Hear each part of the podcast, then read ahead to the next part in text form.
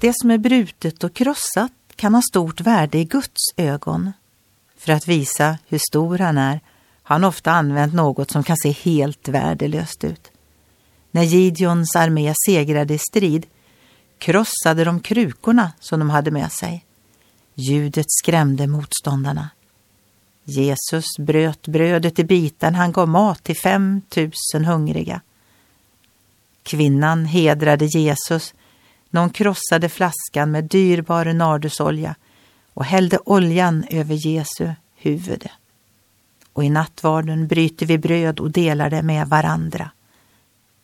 Om du upplever att något i ditt liv är förstört, förväntningarna är brutna eller drömmarna krossade, kan du vara närmare Gud än du är medveten om.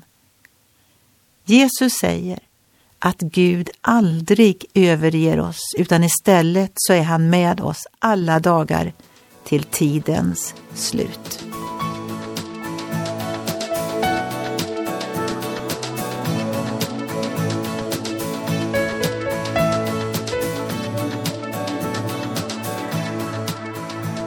Ögonblick med Gud producerat av Marianne Källgren, Noria Sverige.